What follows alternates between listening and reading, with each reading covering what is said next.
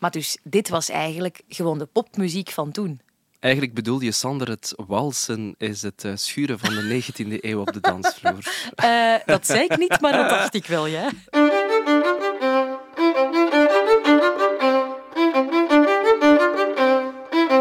Zeg Clara, wat zijn jouw nieuwjaarsplannen? Amai, wat een vraag om mee te beginnen. Mhm. Ehm, Waarom niet? eh, ik weet het eigenlijk nog niet. Waarom? Eh, nee, ik vroeg het mij af. Ga je Eh, mij uitnodigen? Nee. Dat kwam snel. Nee, nee, nee. Ik wou gewoon weten of jij op 1 januari ook zo ehm, met een kleine kater naar het nieuwjaarsconcert kijkt op tv. Een kleine kater, nee, want ik eh, drink heel weinig. Maar ja, ik kijk wel naar het nieuwjaarsconcert. Dat is bij ons thuis echt een vaste traditie bij mijn ouders. Op 1 januari heel laat ontbijten en dan in pyjama naar het nieuwjaarsconcert kijken, ja. Fantastisch, want dan ken je ook deze muziek.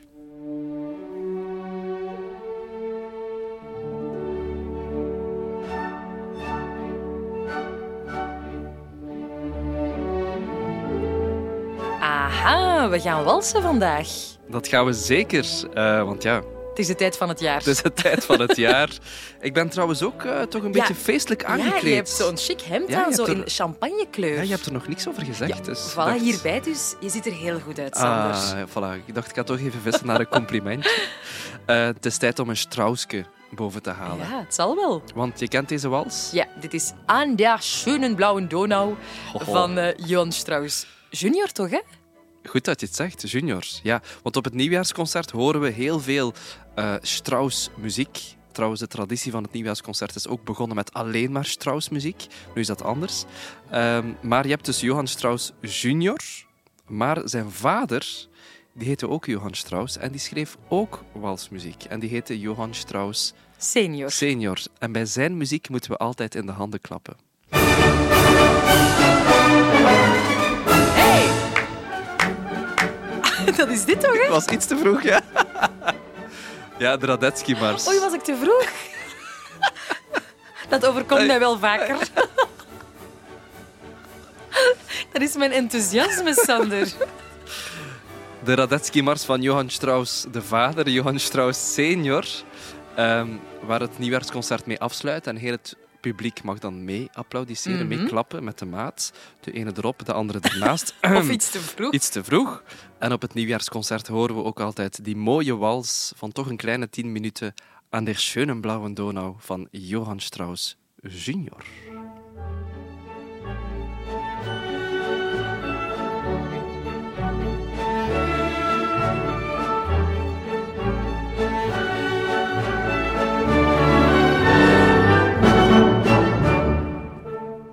Oké, maar dus Sander, Strauss muziek op het nieuwjaarsconcert, Mhm. dat is een vaste traditie. Wij hebben hier ook bij Eerstel bij Klassiek een andere vaste traditie. En dat is namelijk dat we altijd beginnen met een korte samenvatting van de componist. Ja? En daarvoor krijg jij vandaag opnieuw 30 seconden om even door het leven te walsen van Johann Strauss junior. Oké. Klaar? Yes. Johann Strauss II, of Johann Strauss junior, was een Oostenrijkse componist, geboren op 25 oktober 1825 in Wenen. Hij was de oudste zoon van vader Johann Strauss senior, eh, naast zijn twee broers Jozef en Eduard. Maar de vader wou absoluut niet dat zijn kinderen muziek zouden gaan studeren en toch zijn ze alle drie componist geworden. Eh, Johann Strauss junior werkte dus mee in eh, die hele Strauss-dynastie en de walsmuziek en het bedrijf van de Strauss. Hij werd uitgeroepen tot koning van de wals. Oh, my, my, my. Gaat snel, hè? Ik moet nog veel vertellen, hoor. Want die heeft echt een ongelooflijk leven gehad. Ja, want heeft hij meer geschreven dan alleen walsen? Die heeft eh, een kleine 500 werken geschreven. Ook polka's, ook marsen, ook operettes. eh, zoals die Fledermaus. En hij toerde de hele wereld rond, van Rusland tot Italië, tot zelfs in Amerika.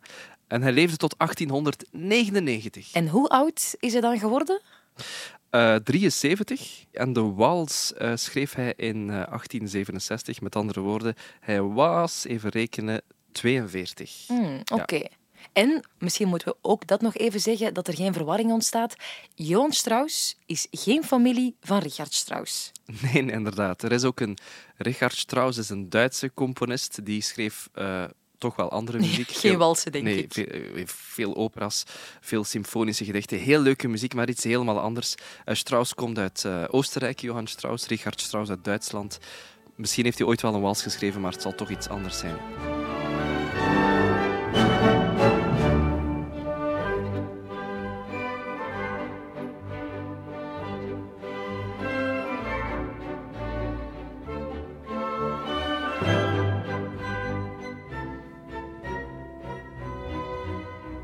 Wel vreemd vind ik Sander, want ik zou juist denken dat die papa, Johann Strauss senior, trots zou zijn op zijn drie zonen, omdat die ook allemaal componist worden. Hmm. Maar die vond dat dus juist verschrikkelijk. Uh, die vader die had denk ik een beetje traumatische ervaringen aan de walsbusiness.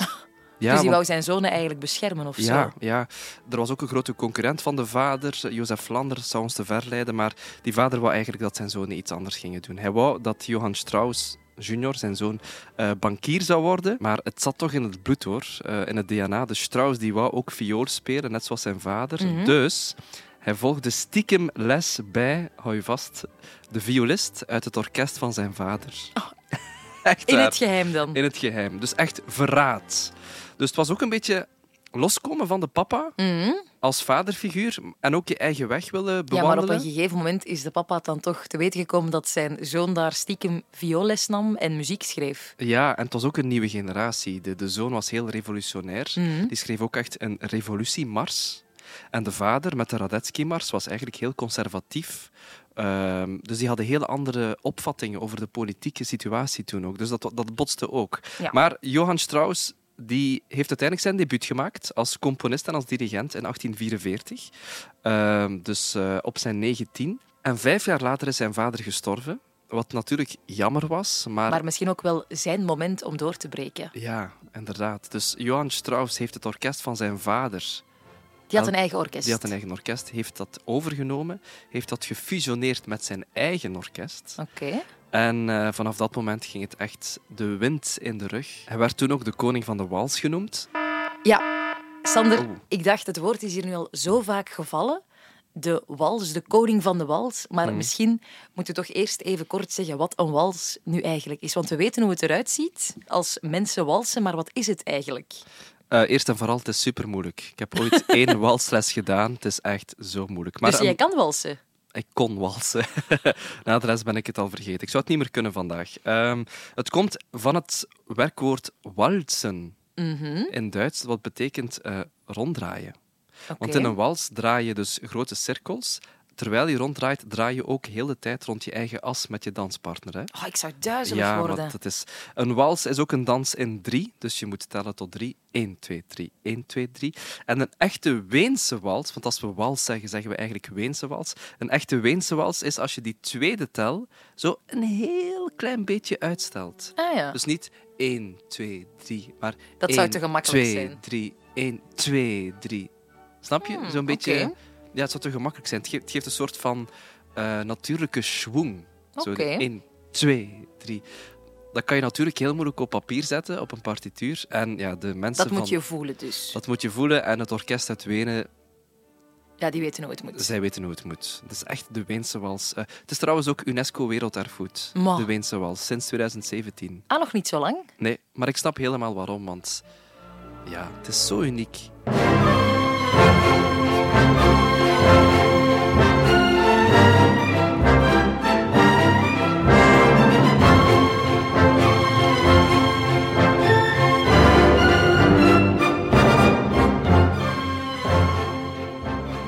Maar dus, dit was eigenlijk gewoon de popmuziek van toen. Eigenlijk bedoelde je, Sander, het walsen is het uh, schuren van de 19e eeuw op de dansvloer. Uh, dat zei ik niet, maar dat dacht ik wel, ja. Maar walsen, sorry hè. Uh, Maar dat is toch mega intiem? super intiem. Want de, alle dansen daarvoor waren in groep en je raakte elkaar nauwelijks aan Mhm. en je wisselde heel snel van danspartner. En bij een wals moest je continu met dezelfde persoon dansen. Ja, Of in dit geval dus tien minuten, hè, bij An der Schönen Blauwen Donau. slang.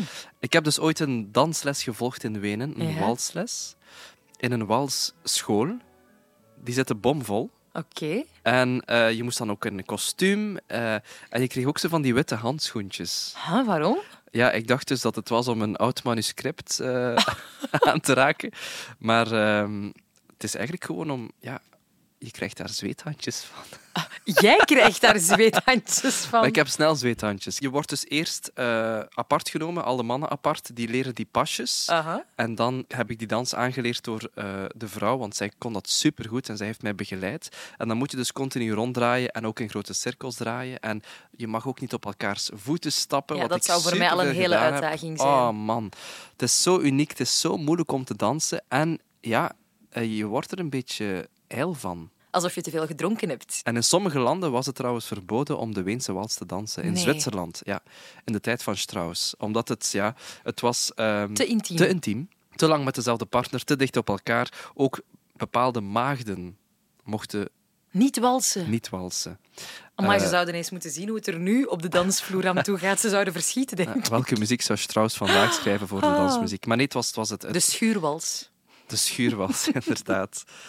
Het was te intiem. Het was te seksueel. Er was zelfs een, eh, een eh, manifest over het feit dat een wals slecht was voor je lichamelijke en je geestelijke gezondheid. Echt waar. Ja. Oké, maar de wals werd wel echt door iedereen gedanst. Door rijk en arm. Rijk en arm in de bierhallen, in de mooiste kroonluchterbalzalen van Wenen.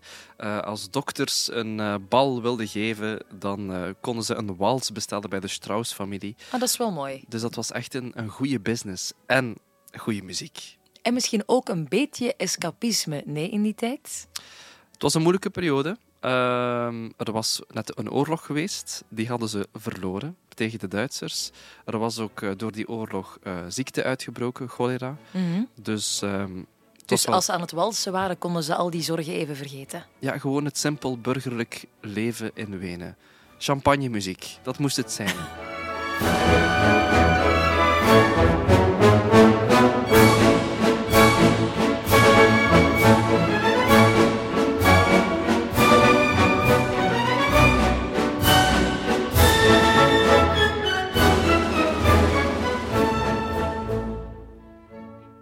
Clara, vraag je.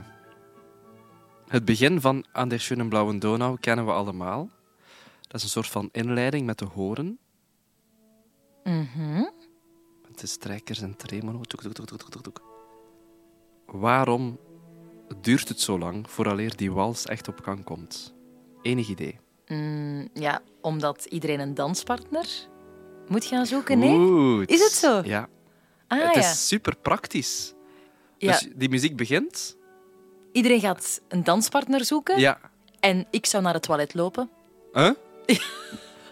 Ja, vroeger, ja, toen ik op school zat in het middelbaar eh, en ik ging naar een feestje of naar een fuif en er eh, werd een slow gedraaid, dan liep ik altijd heel snel naar het toilet. Clara. Omdat er niemand met mij wou dansen. Maar, we moesten op dezelfde school Ja. gezeten hebben. Ik En zou jou ten dans gevraagd hebben. Als je maar handschoentjes aan hebt, dan is het allemaal oké. Het waren dan misschien wel skihandschoenen of zo, want zo witte handschoentjes had Die ik had niet. jij nog Nee. niet.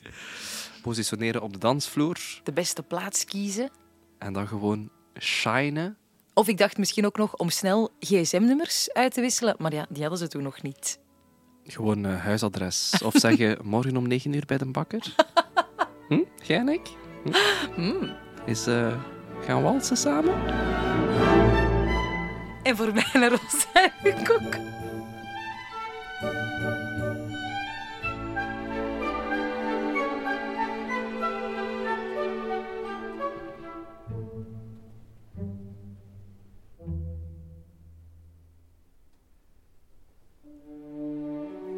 Ja, goede muziek en eigenlijk ook best een goede titel. An der schönen blauen Donau. Ik neem aan, de Donau die door Wenen stroomt. Ja, echt een wals voor Wenen. En Strauss was daar echt wel goed in om eh, altijd een goede titel te vinden. Bijvoorbeeld, ooit heeft hij een, eh, een werk geschreven voor een bal van journalisten. En dat werk heet de Ochtendkrantenwals. Oh, mooi.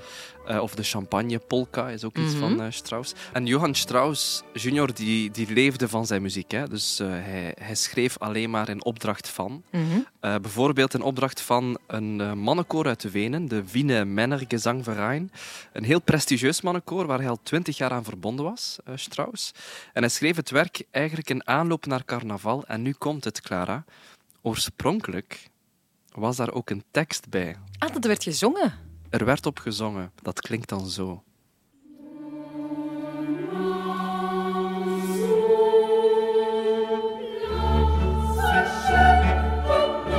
Amai, zo hoog. Dat zijn echt nog knaapjes. Het zijn de knapenstemmen uit Wenen, de Wiener zengenknaben.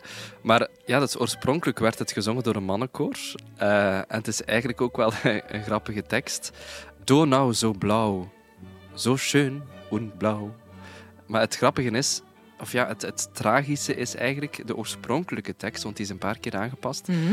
gaat over carnaval. Dus er werd gezongen carnaval is daar, la la la la. En dan werd er nog een aanpassing gemaakt waarin er werd gezongen Wiener zijt froh, ho ho, wieso? Van mensen uit Wenen, wees blij. Huh, Waarom?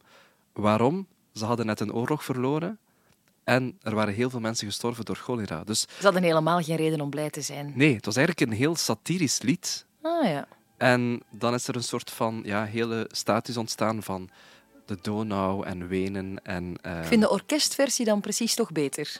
Dat vonden de mensen ook, want dat werd echt de grote hit van eh, Johann Strauss, zijn eerste grote walshit.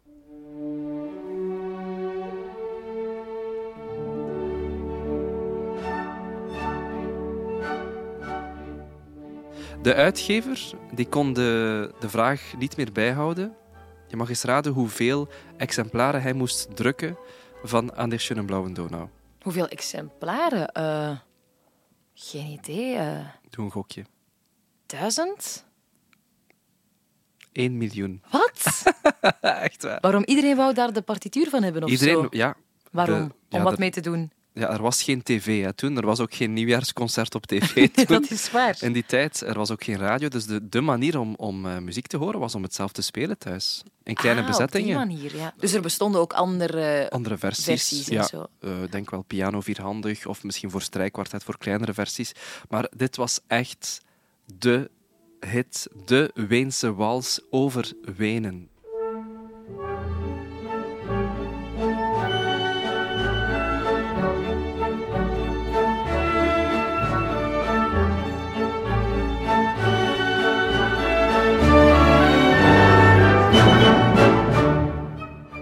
En ook Clara, bij An der schönen blauen Donau denken we aan het nieuwjaarsconcert in Wenen, maar we denken toch ook wel vaak aan André Rieu. Oh, maar ik denk elke dag aan André Rieu. Nee, maar eh, ja, die doet dat toch goed? Wow, maar die concerten zijn echt een spektakel. Ja. Dat is ongelooflijk. En die is ook een beetje eigenlijk de koning van de walsen, hè? Toch? Ja, zeker, want zijn orkest heet ook het Johann Strauss Orchestra. Nee. Ah, kijk. En eigenlijk, wat André Rieu doet, klopt historisch ook wel. Ah, kijk eens aan. Want Johann Strauss, ook zijn broers, die ehm, dirigeerden allemaal het orkest terwijl ze zelf viool speelden. Mhm. En dat doet André Rieu ook. Het zou wel leuk zijn mochten ze nu André Rieu ook eens uitnodigen op het nieuwjaarsconcert in Wenen, vind ik. Dus ja, een dirigent die zelf viool speelt. Dat zou een eh, primeur zijn, denk ja, ik. waarom Ja. niet? We moeten vooral eerst zien dat we daar binnen geraken. Want weet je, Sander, hoe moeilijk het is om kaartjes te krijgen voor het nieuwjaarsconcert? Ik weet dat dat moeilijk is, maar hoe moeilijk weet ik niet. Maar wist je zelfs dat dat met een loting gebeurt? Op 2 januari Op 2 januari. Ja, op 2 januari, meteen na het nieuwjaarsconcert, kan je je op de website inschrijven voor de loting. En dan moet je eerst en vooral zeggen hoeveel je maximaal wil spenderen voor een kaartje. En je kan er ook max twee kopen. De prijzen die variëren van 35 euro, oké, tot 1500 euro. Wow. Dat is toch gigantisch? Dat is eigenlijk, als je een stukje geschiedenis wil meemaken, Moet je ervoor staat er wel betalen. iets... Ja. En je moet ook nog eens een gala-kostuum of een gala-kleed hebben. Ik kijk dan toch liever in mijn pyjama in de zetel, hoor. Ik denk dat je ook gewoon thuis meer ziet. Ja, dat denk ik ook. Want als je daar op je stoel... Ja, je hebt heel die, die, die setting, de Gouden Zaal en de muziekverein in Wenen. En die dansscènes die je op televisie ook altijd te zien krijgt, Ja, ik weet ja. niet of je die in de zaal ziet. Ik denk het niet. Nee, en die zijn zo grappig. Maar Clara, eigenlijk moeten wij toch ooit samen binnen geraken? We kunnen het misschien vragen aan Anneleen Leenaerts, Ja. want die speelt in het orkest van de Wiener Philharmoniker. Zij is harpiste. Dus Anneleen, mocht je aan het meeluisteren zijn, eh, voor Sander en mij graag twee kaartjes, eerste categorie, als het kan. Een Belgische muzikanten in de Wiener. Nodig eens twee Belgen uit. Kom.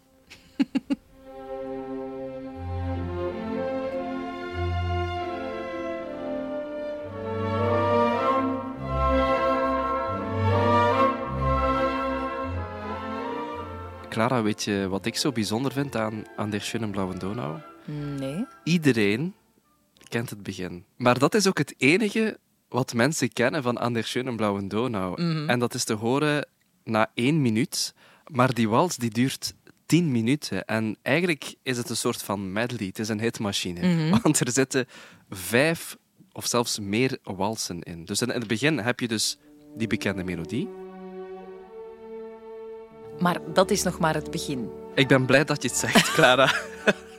Dit is nog maar het begin, want dan heb je een tweede wals. En wow, die doet mij echt aan Tchaikovsky denken.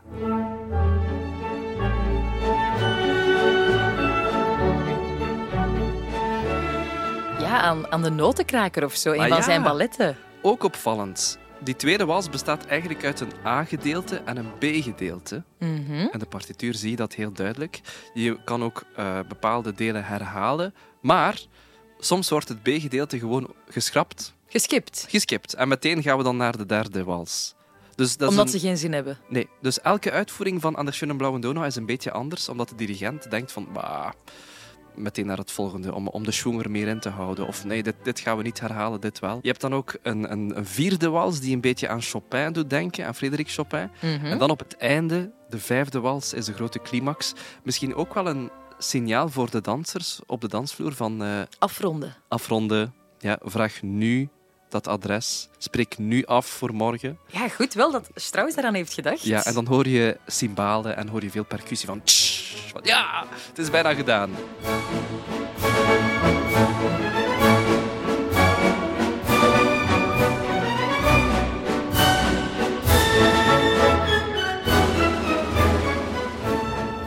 Aan der schönen blauwen Donau van Johann Strauss junior. Het was een hele schöne aflevering Ja, zeer schön. van Eerste Hulp bij Klassiek. Strauss, topkerel, maar het schönste moet nog komen. Clara, kom. Geef mij eens een mooie samenvatting van Aan der schönen blauwen Donau. Yes. Hier gaan we.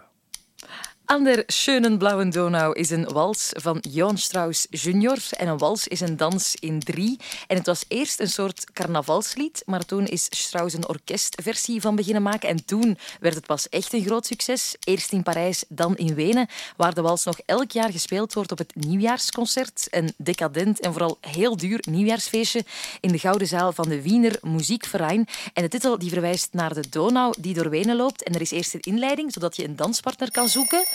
En daarna krijg je vijf walsen voor de prijs van één. Vijf voor de prijs van één. En de eerste prijs gaat naar jou voor de samenvatting. Goed gedaan. Oh, dankjewel, Sander.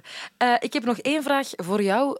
Als we voor een uitvoering moeten kiezen, welke dan? Die van André Rieu? Of Ik niet? zou toch gaan voor het orkest der orkesten van de Weense Wals, de Wiener Philharmonikers. Oké. in Wenen. Een eh, uitvoering uit een van de nieuwjaarsconcerten. Misschien eentje van eh, dirigent Christian Tilleman. Die dirigeerde in 2019 en die komt ook nog terug voor het nieuwjaarsconcert. Dus ja, En wij komen ook nog terug.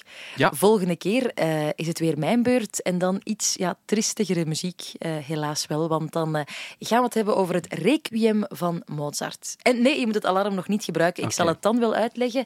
En mocht Anneleen Leenaerts ondertussen nog twee ticketjes hebben gevonden... Anneleen, je weet ons wonen, hè?